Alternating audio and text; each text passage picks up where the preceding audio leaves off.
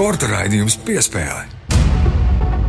Latvijas radio pirmais kanāls, sporta raidījums piespēle, kārtējā svētdiena un studijā Mārtiņš Kļavnieks un Mārs Bergs. Kā jau vienmēr, tā tāda laba tradīcija ik svētdienas. Sveiks, Māri! Sveiks, Mārtiņ, sveicināti klausītāji! Un šodien studijā, protams, būsim ne tikai mēs, būs arī mūsu studijas viesi. Ciemos nāks, jā, ciemos nāks viesi. Jā, jo runāsim šodien mēs atkal par pludmales volejbolu, kā pēdējā laikā daudz senāk runāt par pludmales volejbolu, taču tam ir ļoti labs iemesls. Šoreiz viņi to ir nu godam pelnījuši. Nu, vairāk kā godam tiešām lielisks panākums Latvijas jaunajiem pludmales volejbolistiem pasaules čempionātā. Par to jau pēc brīža nedēļas topā. Un, protams, šodien, kā jau mēneša pēdējā raidījumā, arī Gunārs Jākapsons ar savu tradicionālo rubriku ciemos pie Gunāra Jākapsona, bet arī tas viss raidījuma turpinājumā. Jā, bet sāksim, kā jau katru svētdienu ierasts, ar nedēļas spilgtāko notikumu topu. Tas pēc jau pavisam īsa attēlpas mirkļa. Tūlīt būsim atpakaļ.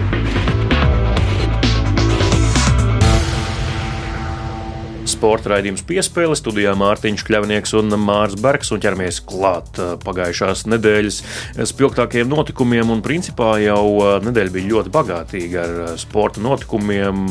Sāksim ar to, ap ko arī riņķos. Principā lielākā daļa šī raidījuma raidlaika Latvijas pludmales volejbolists Kristians Fokarots, Gustavs Auziņš svētdien triumfēja pasaules čempionātā. Tas 19-gadīgo un jaunāku puišu grupā un finālā viņi pārspēja Oliveru. Oliveru Bulgaču un Dāvi Teteri, eh, divi Latvijas pāri, divas medaļas. Un runa ir par pasaules čempionātu. Nevis Eiropas, bet par pasaules čempionātu, kur divi Latvijas jaunie pāri ir sasnieguši sacensību finālu. Nu, un automātiski tātad viens no šiem pāriem kļūs par čempionu. Un šajā gadījumā Kristians Fokerots, Gustavs Auziņš kļūst par pasaules čempioniem. Tas ir svarīgi, kāpēc es iepriekš uzsvēru pasaules. Tāpēc, ka tur ir amerikāņi, tur ir arī Brazīlijas pāri, ir Austrālija, ir Ķīna. Eiropa, protams, Eiropa arī ir ļoti augsts līmenis, ļoti augsta konkurētspēja starp Eiropas valstīm. Protams, arī varam ar treneriem lepoties, ka viņi ir izaudzinājuši šādus spēlētājus, kuru meistarības līmenis atbilst. Nu, tagad ir jautājums, kā šis viss tiks pārnests uz pieaugušo pludmales volejbolu. Par Fokerotu auziņu un arī Bulgaču teteri. Eh, Fokerots auziņš izlikt ar 15. numuru turnīrā, savukārt Bulgačs un Teters sāk no kvalifikācijas. Eh, iepriekšējos vērtējumos nefigurēja kā pat tuvu favorītēm, līdz ar to tas arī ir uzteicami. Par eh, Fokerotu auziņu triumfu ar Kristiānu Fokerotu un arī šī pāra treneru atvaru vildi mēs runāsim jau raidījuma turpinājumā lielajā intervijā bet. Diemžēl Gustavs Auziņš nevarēja šodien mums pievienoties studijā dažādu apsvērumu dēļ. Jā, bet, protams, tas uh, tikai pēc nedēļas topa noslēguma. Mums vēl ir daudz ko jums stāstīt, tāpēc dodamies tālāk.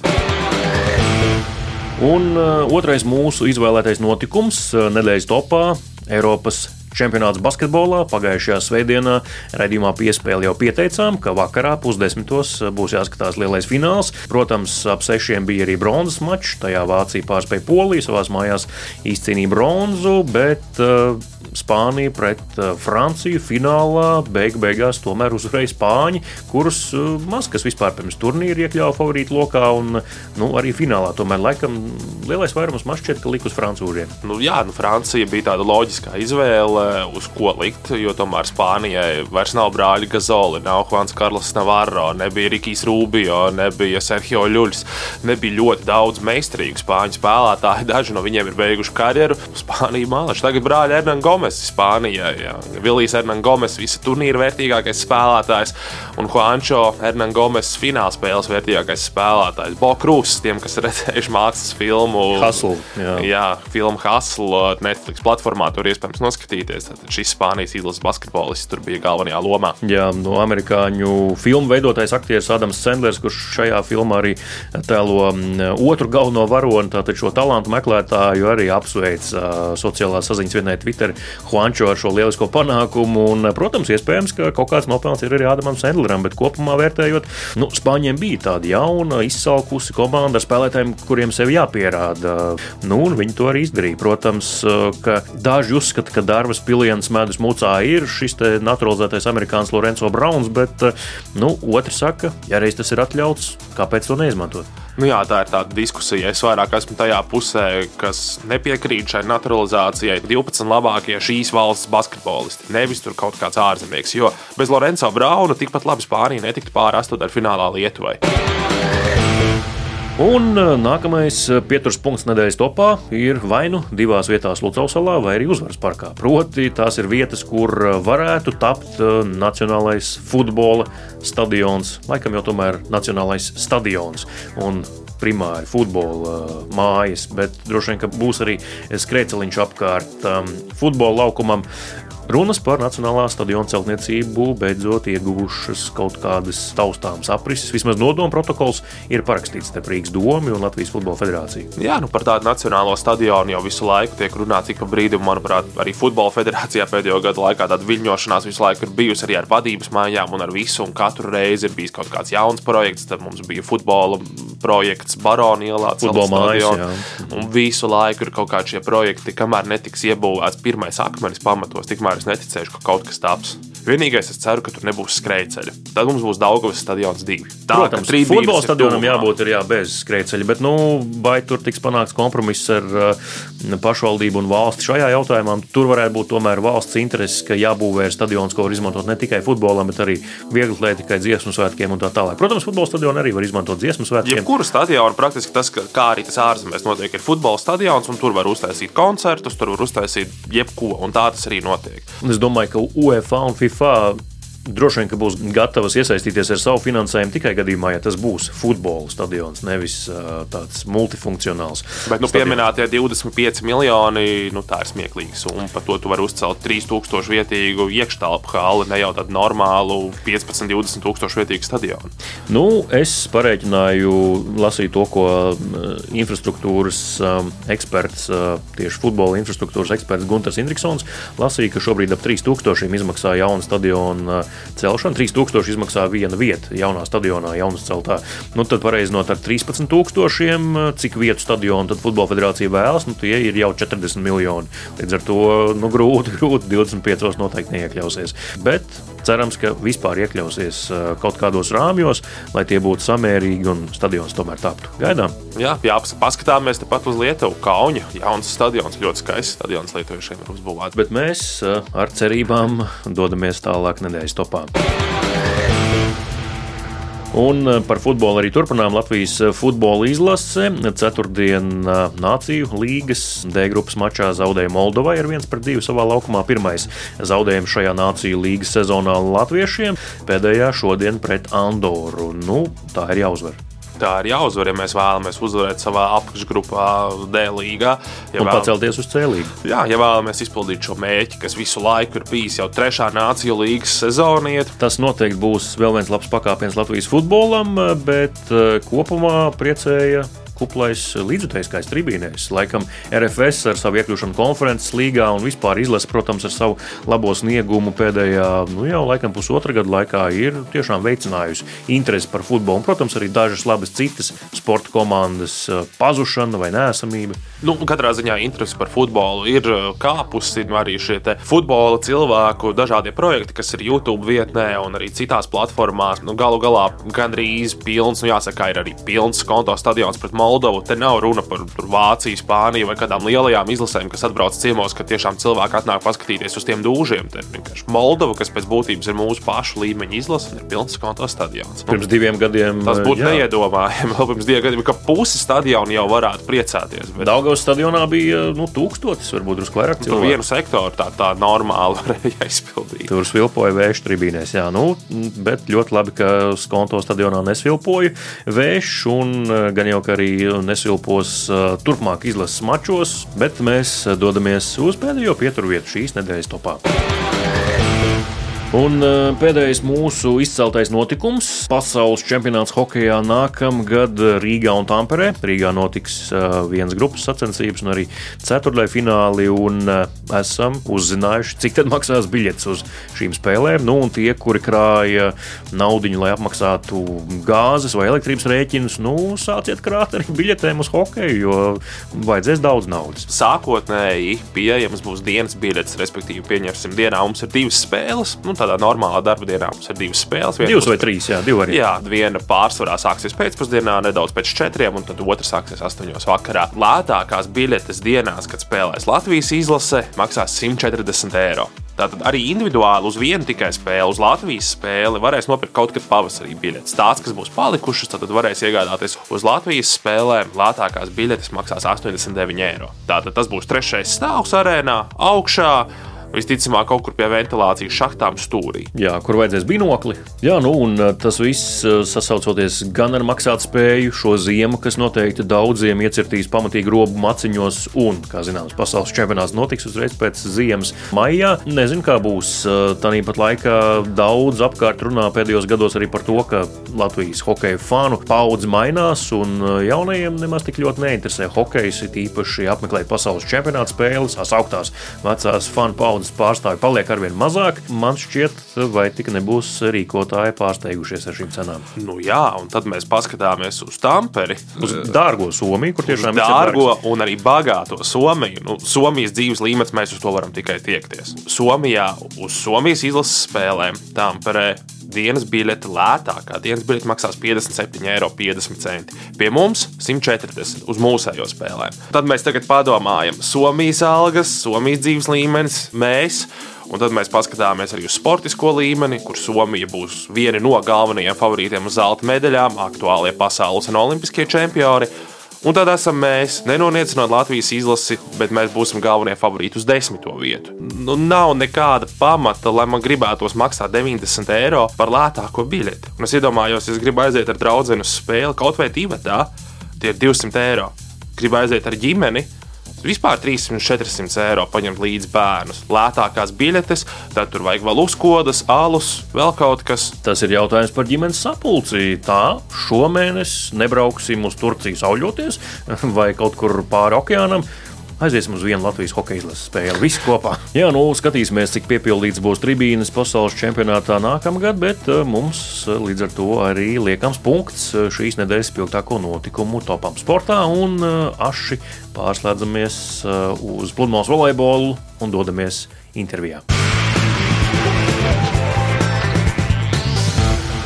Piespēle studijā Mārtiņš Kļavinieks un Māris Bergs. Un kā jau eh, gan ievadā, gan arī topā sacījām, tad, protams, ka šajā raidījumā runāsim par pludmales volejbolu. Un, protams, ka eh, Latvijas jaunie pludmales volejbolisti to ir nopelnījuši, izcīnot gan zelta, gan arī sudraba pasaules čempionātā 19 gadīgiem un jaunākiem spēlētājiem. Un tāpēc studijā ir šī panākuma, proti, zelta autori, gan viens no mm, pāra, Kristians Fokerots. Sveiks, Kristian! Sveiki. Un, protams, arī um, censoņu, jauno censoņu treneris Atvars Vilnis. Sveiks, Atvar. Sveiki. Sāksim ar tādu pavisam uh, vienkāršu jautājumu. Droši vien apsveikumi bija kalniem. Kurš bija sirsnīgākais apsveikums, kas jums tagad atmiņā palicis? Tas gan jau sirsnīgākais, lielākais apsveikums gan jau bija tieši lidostā, kad mēs atbraucām. Nu, kad viss tiešām ir tur uz vietas un viss tā nāk apsveikt, nevis tikai par telefonu. Jā.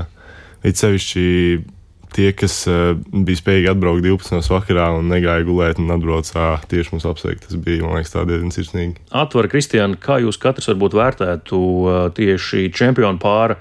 ceļu līdz zeltam, un varbūt izaugsme arī turnīra gaitā, kā varbūt Kristiāna mainījās tavas sajūtas, emocijas laukumā, kā atvers no malas redzēja, kā varbūt puiši mainījās, ejot cauri šim ceļam. Tā visa turnīra gaitā bija tāda laba iezīme Kristianam ar Gustavu, kad uh, otrs pāris visu laiku sekoja viņam pa priekšu. Tās spēles visu laiku bija viena spēle iepriekš. Viņi soļoja tādu varenu ceļu, uzvaru pēc uzvaras.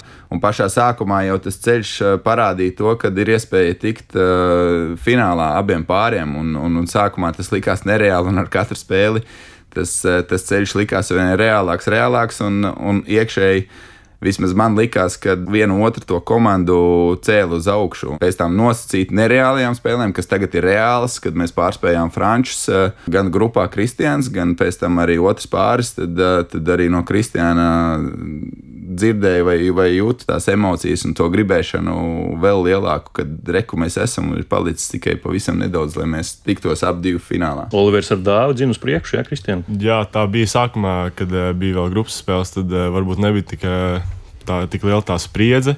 Es vienkārši gāju un spēlēju. Bet pēc tam, jau, kad sākās playoffs, eh, tad tu uzvari vienu spēli, jau vairāk gribās uzvarēt nākamo un nākamo. Un jā, vēl papildus bija tas, ka otrs pāris laiks spēlēja pirms mums, un tu brauc uz spēli un redz, ka viņi uzvarēja, viņi tik tālāk. Un, nu, tu nevari netikt, tev ir visu laiku jāmin uz papēžiem. Un, jā, tā mēs spēlējām līdz pat satikāmies finālā. Vai bija tāds brīdis, kad trenerim tā gribēšana bija kaut kur jānomierina mazliet, vai jāievirza tādā pareizā gultnē, lai neveidojas tāda pārcenšanās jau kaut kur laukumā, ka pa daudz jau gribās izdarīt? Tā no līnija līdz pārdegšanai tomēr ir ļoti šaura. Ir īpaši junioru vecumā, protams, tur daudz nevajag. Šis turnīrs varbūt bija zīmīgs gan vienai, gan otrai komandai, kad uh, praktiski nevienā spēlē mēs nebijām tādā super favorīta statusā. Un, uh, un, un arī tās spēles gāja nu, pa viļņiem. Bija, bija ļoti daudz spēles pret uh, mūsu tiešiem spēlētājiem, pretiniekiem, kuri ir jau sevi atrādījuši arī starptautiskā arēnā, kad mēs bijām visu laiku praktiski iedzinēji lomā, vai arī tās spēles bija tik ļoti, ļoti, ļoti saspringtas. Nomierināt vai, vai uz pārdegšanas brīža praktiski nebija neviens tāds brīdis. Praktiski bija visu laiku tā, ka jādzen tieši uz priekšu, lai mēs varam sadzīt, lai varētu pēc iespējas labāk to rezultātu parādīt. Pazīstot džekus otrā tīkla pusē, esat trenējušies, spēlējuši noteikti ļoti daudz viens pret otru. Kā ir iziet laukumā un spēlēt pret pāri, kuru tu pāri? Pārzini no A līdz Z, kur tu zini visu par viņiem? Uh, sajūtas bija tādas, tādas divpusējas. No vienas puses bija kā, prieks, kad spēlēji pret latviešiem finālā, un uh, jebkurā gadījumā tev arī prieks par viņu sasniegumu. Bet no otras puses tā konkurence jau saglabājās gan treniņos, gan uh, sacensībās. Un, uh, godīgi sakot, pirms fināla bija tāds vislielākais stress no visām spēlēm. Jo, jo lai arī cik, cik liels prieks tev būtu par viņiem, kā, tas man būtu ļoti smagi viņiem zaudēt. Ceļš, ka tu zini, kā viņi spēlē, un uh, tu esi iepriekš uh, vinējis, ir arī iepriekš zaudēts viņiem, bet uh, tāds pasaules čempionāts, domāju, vēlreiz pret viņiem nesnāks spēlēt finālā, un tas tāds liels notikums un gribējās ļoti uzvarēt.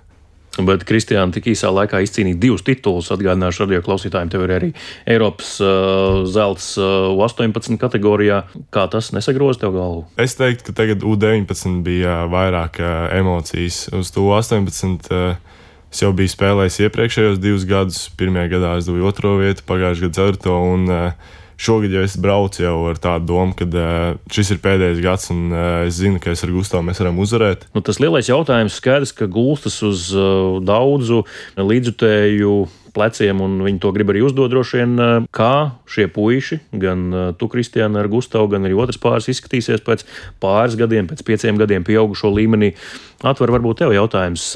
Kādas ir Kristiāna Gustava īpašības, lai būtu labi arī pieaugušo līmenī? Ir, kas liecina par to, ka viņiem ir tāds potenciāls? Mēs jau esam ielauzušies, teiksim, ar Kristiānu tajā lielajā sportā, un tas tramplīns. Uh, varbūt ne simtprocentīgi uz visiem jauniešiem attiecās, bet kaut kāds procents mums jau ir noticis. Viens no jauniešu vecuma jau ir ielicis pasaules līmenī. Tas, kā būs pēc diviem, trim gadiem, ar kādām rokādēm vai kādos sastāvos viņi apgrozīsies šajā sabiedrībā, to mēs vēl nezinām, bet noteikti tas būs, jo visas tās kvalitātes atbilst dotajā brīdī. Arī rezultāti par to liecina. Čempionātos medaļas un, un, un tas līmenis, tas spēles kvalitāte, ar kādu mēs soļojam pretī tam, tam augstākajam mērķim mūsu. Puisiem galvās viss ir kārtībā, tehniskais izpildījums atbilst um, pilnīgi visām kvalitātēm un normām. Skatīsimies, kā būs ar fizisko sagatavotību. Tas droši vien ir lielākās domas, šaubas un prioritāte, kas jāuzlabo. Jo šogad mēs braucam pa pasaules tūrēm. Kristians kopā ar Edgars un es esmu bieži vien līdzi. Tas, kādi ir tie puiši un, un, un vīri tur, nu, tur, ir, tur ir, kur mums vēl pielikt. Tur Kristianam vēl drusku ar gaļu jāpaug. Jā. jā, bet sekojot līdzi Kristianam jau iepriekš un dotajā brīdī tā situācija, piemēram, tādas robežas attiecībā uz viņu dotajā brīdī es vispār neredzu. Viņam ir vēl joprojām 17 gadi, un, un, un tā karjera, es ceru, ka viņam būs super ilga. Un, tā kā, tā kā mēs redzēsim un, un skatīsimies, kad būs tā mala, kad mēs varēsim pateikt, varbūt tagad ir bijis jāpie, jāpiestājas, un, un kaut kādā citā sfērā tagad ir tikai darbs, darbs, darbs. Un, uh, viss saliksies. Kristiāna Atvars jau pieminēja tavu partnerību ar Edgars Toču. Viņš tev ir ņēmis zem sava spēcīgā spārna Nu, ko tev ir devis šis nu, jau gandrīz gads kopā ar Edgars, spēlējot plec pie pleca ar uh, galā Tokijas Olimpisko spēļu ceturtās vietas ieguvēju? Protams, lielākais, ko es iegūstu, ir tā pieredze, ka tu braukā visur un uh, spēlē. Un, uh, es esmu arī īstenībā daudz guvis to pārliecību par sevi. Arī tagad spēlējot pie pieaugušajiem, varbūt arī tas bija viens no tām panākuma atslēgām, kāpēc bija tāda panākuma jauniešu turnīros. Jo zinot, ka es varu tur uzvarēt setu vai, eh, vai pat spēlī profesionālā turnīrā. Tas man deva tiešām pārliecību, ka es varu aizbraukt uz jauniešiem un arī uzvarēt. Tur.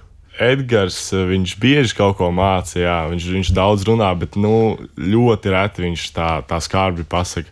Vairāk mēs tā tā draudzīgi sarunājamies. Jā, tagad ir uh, sezonas noslēgums, un, un ir jau kaut kādi secinājumi izdarīti. Protams, ka mēs esam uh, draudzīgi un, uh, un varbūt uh, netipiski iepriekšējiem kaut kādiem uh, spēlētājiem vai treneriem. Mums ir diezgan tāda ļoti laba teiksim, tā, tā saskarsme, gan uh, sapratne, gan, gan ārpus laukuma, gan iekšā laukumā. Un, uh, ir, protams, tam visam savi plusi un savi mīnusi, un, uh, un dotajā brīdī varbūt, uh, varbūt gribās, ka kāds, kāds ņems to stipro vārdu rokās un, un, un nedaudz sāk stumt uz priekšu.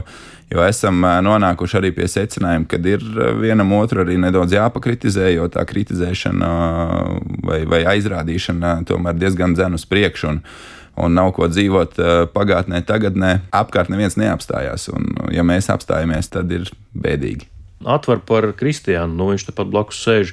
Cerams, ka viņam ausis nenovītīs vai, vai viņš ne, neaizlidos debesīs no tevis teiktiem vārdiem. Bet tas, ko es esmu dzirdējis pludmales volejbolā, ne tikai pludmales volejbola sabiedrībā, netipiski nobriedis saviem gadiem. Kā tu viņu raksturotu? Jā, tie droši vien ir arī kaut kādi mani vārdi, ko es esmu teicis. Un reti manā treneru karjerā ir sanācis eh, būt ar, ar jauniem džekiem jau no 16, 17 gadiem, kas eh, spēj pieņemt gan adekvātus lēmumus, gan uzņemties eh, teiksim, atbildību gan par darbiem, gan par vārdiem. Kristians ir viens no tiem uh, puišiem, kas to spēj. Protams, ka uh, liels kaut kāds darbs jāiegulda arī man un apkārt arī uh, cilvēkiem, kas ir, ir kāds, kas varbūt pasaka kādreiz kaut ko labāku, kaut ko sliktāku. Ir kādas lietas, ko viņš labāk pieņem, ko viņš nepieņem. Uh, Bet eh, pozitīvākais ir tas, ka eh, mēs kaut kā savā sadarbībā, gan ar tiem darbiem, gan ar tām teorijām un, un runāšanām, esam panākuši to, ka eh, mēs redzam rezultātu, kad viens otram kaut ko sakam, kad ir tas rezultāts, un, un tad jau tās lietas sagulstās pašas savā sliedēs. Tas pozitīvākais tajā visā, kad ir otrs aspekts, fiziskā sagatavotība, kā viņš ir attīstījies priekš saviem gadiem. To jau arī rezultāti liecina. Ja pirms diviem gadiem, manuprāt, bija 15 gadi, jā, kad pirmais uh, Eiropas čempionāts bija 18 vecumā, un viņi sasniedza finālu un izcīnīja sudraba medaļu tajā laikā. Tas jau vien liecina par to, ka uh, kaut kas ir noticis nedaudz ātrāk, varbūt kā citiem, un, un, un tas nav slikti. Protams, pastāv iespēja, ka kaut kādā brīdī līdz 20 gadiem vai, vai vairāk viņš varbūt nedaudz kādā brīdī apstāsies, bet dotajā brīdī tie apstākļi salikušies tādi, kad, eh, ka nekas neapstājās, viss iet uz priekšu. Kristiāna, pastāst lūdzu radio klausītājiem to stāstu, jo es varbūt Tur ir tikai daļa patiesības, bet es pausu galam esmu dzirdējis, ka bija brīdis, kad tu to volejbolu gribēji arī mest malā, un tev vairāk tā kā basketbols pat simpatizēja. Bija kaut kas tāds, jā? Jā, bija, tā, bija tāds pārmaiņas brīdis, kad uh, tieši bija arī eh, Covid laikā. Tas mēs, daudziem bija pārdomāts. Jā, jā, un uh, sēdēju mājās un gribējās kaut ko jaunu. Varbūt tajā brīdī bija mazliet apnicis viss. Tajā brīdī bija kuldīgā iespēja trenēties basketbolu. Uh, varbūt arī viens no tiem iemesliem bija man daudz draugu, bija basketbolisti. Man jau kopš bērnības, teiksim, tā man bija paticis arī basketbols.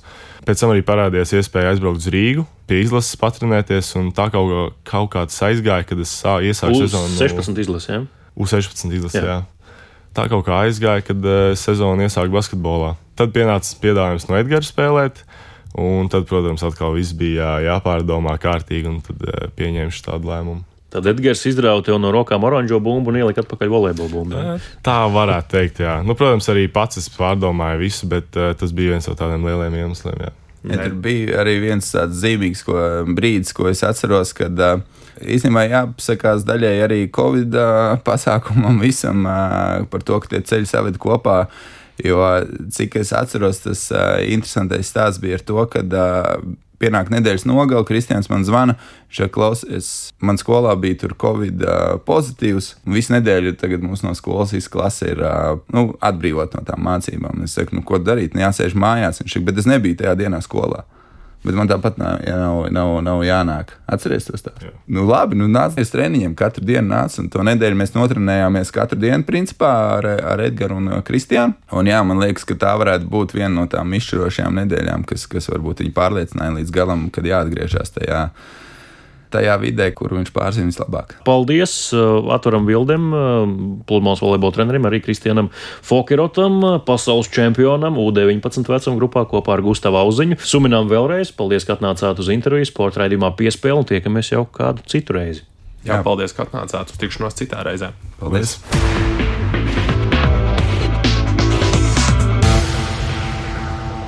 Latvijas radio pirmais kanāls, sporta raidījums piespēle. Tāda lūk saruna ar Atvaru Vildi un Kristiānu Fokerotu.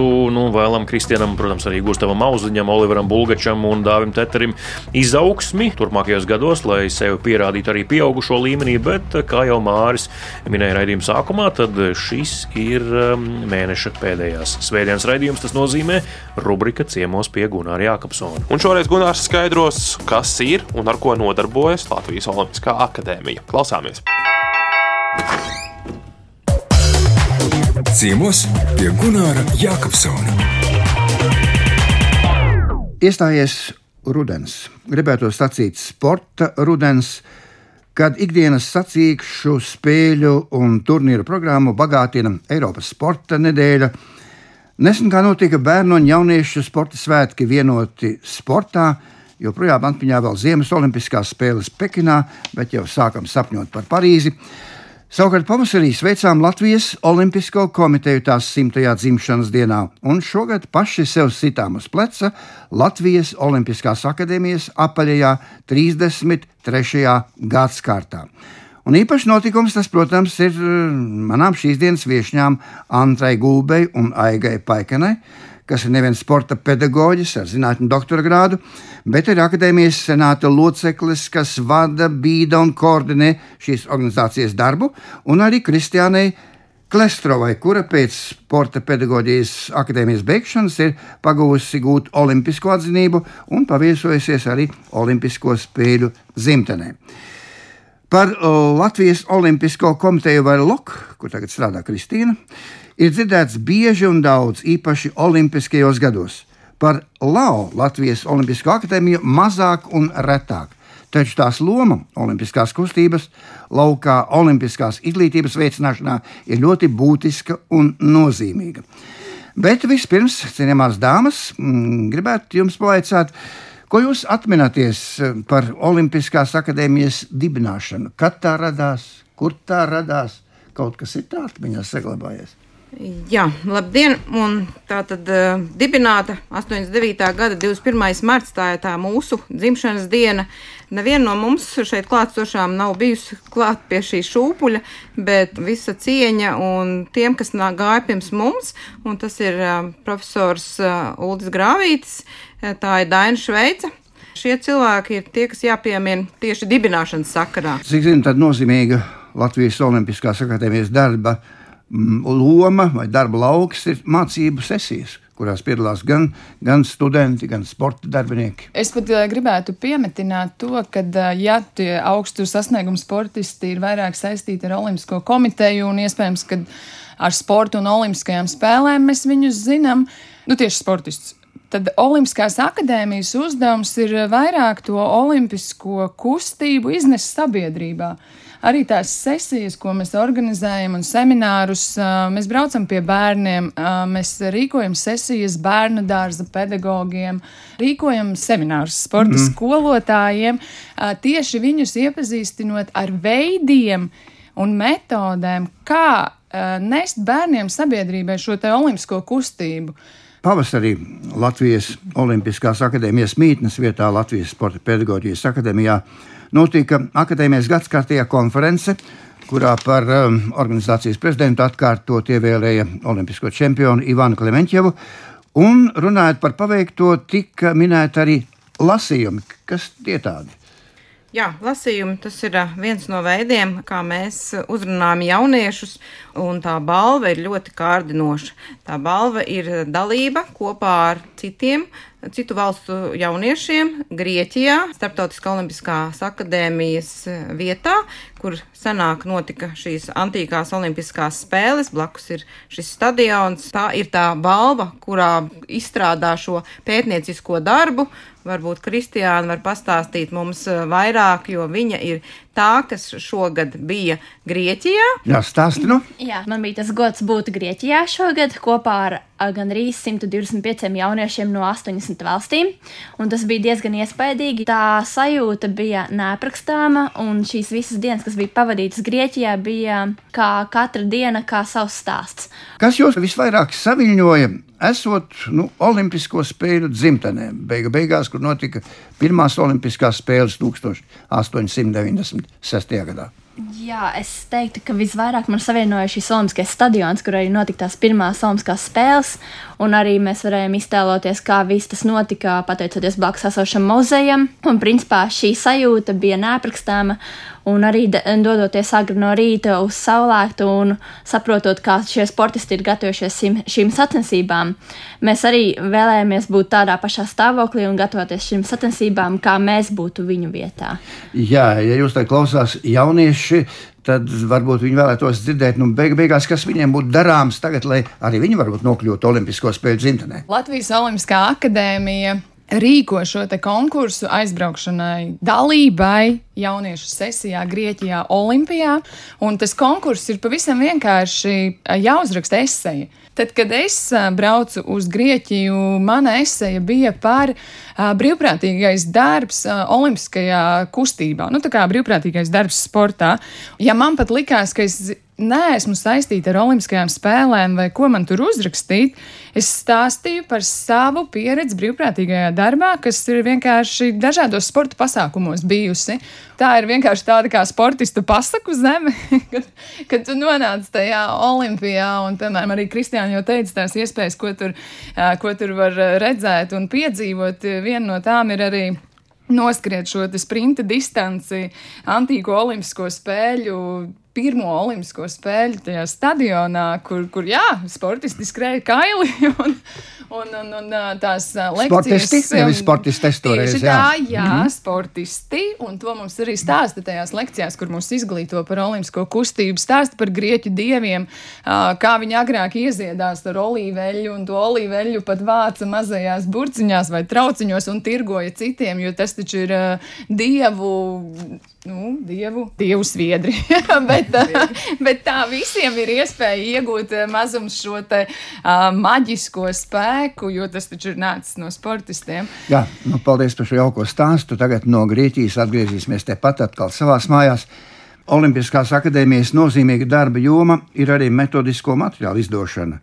Pastāstiet par dažiem, varbūt jaunākajiem materiāliem. Pirms doties uz Olimpiskām spēlēm, šis sportists ļoti rūpīgi iziet kvalifikāciju un gatavojās tam. Dažreiz tā informācija paliek tā kā otrā plānā. Kas ir šī olimpiskā kustība ar tās simboliem, tradīcijām un mūsu iepriekšējo sportistu sasniegumiem?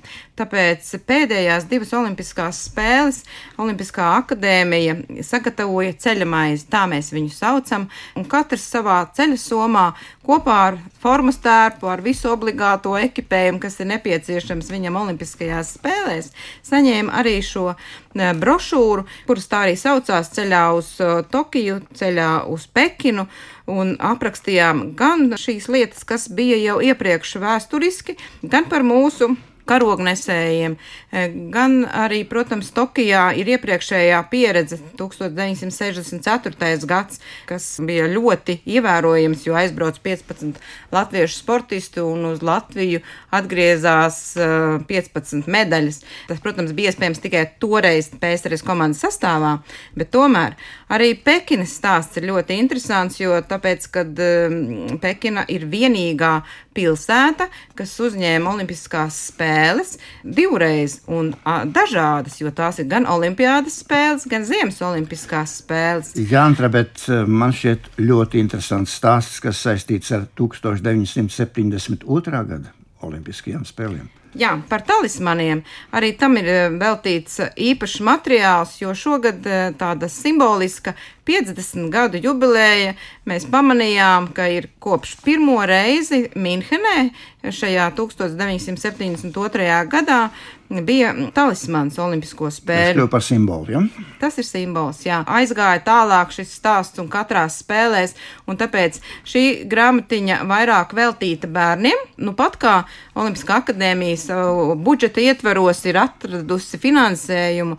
Katra skola, katra pirmskolas izglītības iestāde un katra Latvijas biblioteka saņems mēneša laikā, mēs ceram, nogādāt eh, šīs eh, brošūras eh, katram viena, bet būs par šiem talismaniem, ko ļoti var izmantot Olimpisko dienu sakarā, un šī informācija latviešu valodā ļoti vizuāla. Jā, es pat gribētu pieminēt, kā jau Antri teica, ka ceļa maize tiek iedot līdzi sportistiem. Ar to viss nebeidzas. Viss šis te materiāls ir pieejams ikvienam, un pat ja mēs uz skolu un biblioteku, piemēram, aizsūtam tikai vienu Latvijas Olimpiskās akadēmijas mājaslapā LOA. Ir pieejami visi šie te materiāli. Viņus var gan leju pielādēt, gan apskatīt. Tiešām šis pēdējais talismani. Nu, pat divgadīgam bērnam ir interesanti skatīties tās krāsainās bildītes, kādi tad ir tie olimpiskie talismani. Pat izdomāt, ka tās bildītes vēl vajag izkrāsot. Tāpat kā mēs esam izdalījuši arī eh, visām pirmskolas izglītības iestādēm Latvijā eh, sporta alfabētu, kas es ceru, ka tiek izmantots, un man ir zvanījuši arī eh, bērndārza audzinātājs un saka, nu mums tur drusku ieplīsa, vai mēs varam dabūt vēl vienu, jums tik labi, mēs viņu tik labi izmantojam, jā, tā kā mācamies burtus caur sportu. Par mūsu aktualitātēm runājot, vēl jau gribas pieminēt eh, mūsu projektu, kurā mēs sadarbojamies ar citām valstīm. Projekts nāk no Igaunijas, eh, My Promise, un eh, jā, mēs Olimpiskā akadēmija kā partneris esam iekšā, un eh, novembrī mēs brauksim uz Igauniju. Šis te projekts ļoti jau sasaucas ar Olimpiskās akadēmijas to misiju, vīziju un vēlmi. Aicināt cilvēkus būt aktīviem, ja? un pat Eiropas sporta nedēļas ietveros uh, Tas viss vienkārši ir kopā. Mēs neesam katrs pa sevi un ar pasākumiem, nu, kā teikt, nenodalāmies, bet tieši saistamies. Tad no Igaunijas nāca ideja par uh, My Promise, tā kā dod solījumu un aicini kādu citu sportot. Un kas tad ir labākā metode, kā to otru cilvēku pasaukt un uh, pasaukt sev līdzi uz treniņu vai jebkādu citu aktivitāti, kaut vai pastaigu ārā, ir tas uh, dod solījumu un uh, nodod informāciju cilvēks cilvēkam. Tā kā par to jūs vēl manīsiet, tas nāks, tas nāks klajā vēl aktīvāk arī visā Latvijā šie pasākumi. Nu, kad ir jāsporto, Jā, nu, jā nu, tur, tur nav pat debats, vai ne? Jauks vēlējums, un ko gribētu piebilst Antru un Kristiānu. Tā ir ļoti laba iespēja Latvijas iedzīvotājiem iesaistīties sportā, jo zinot to, kas notika divu gadu atpakaļ, kad cilvēks sēdēja tikai mājās, ka tā ir tā kā atzimšanas process no šīm diviem smagiem gadiem, lai mēs atkal sāktu apgūt ko jaunu, tāpat pastaiga un jaunas iespējas kaut ko darīt. Jā, nu, mans novēlējums, sekojot līdzi mūsu aktivitātēm, e, mājaslapā, sociālajos tīklos, e, esiet aktīvi un, un nesiet to godīgas spēles e, misiju tālāk. Daram visu kopā, godīgi, sekojam līdzi aktivitātēm, darbojamies. Paldies jums par šo tikšanos, kas bija veltīta Latvijas Olimpiskajai akadēmijai. Pie manis studijā viesojoties Antrai Gulbei, Aigai Paikanai un Kristiānai Klestrovai. Uz tikšanos! Visu labu! Visiem. Paldies!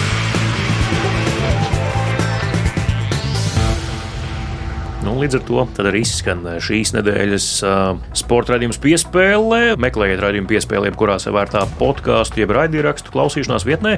Varat vēlreiz mūs dzirdēt arī, protams, Latvijas radio arhīvā, tīmeklī, Latvijas radio mājaslapā. Jā, nu, pludmales volejbolisti mūs tiešām ir iepriecinājuši visas vasaras garumā, gan puikas, gan meitenes. Nu, atliek vēlēt uh, kvalitatīvu pārēju pieaugušo vecumā, lai nepazūda šajā pārējā, kas, kas ir problemātiski, nenoliedzami šī pārēja no junioriem uz pieaugušajiem. Nevienmēr ir viegli un panākumi junioros nenozīmē panākumus pieaugušo līmenī. Visas iespējas šiem puišiem un arī meitenēm, Līvai Eberei, Danielai Konstantīnovai, kuras arī mūs ir priecējušas vasaras garumā ļoti augstiem rezultātiem junioru čempionātos, viņiem visas iespējas to paveikt. ar to arī skan šīs nedēļas piespēle. Mēs būsim atpakaļ jau pēc nedēļas. Jā, ķeriet piespēli, jau nākamā svētdienā tiekamies!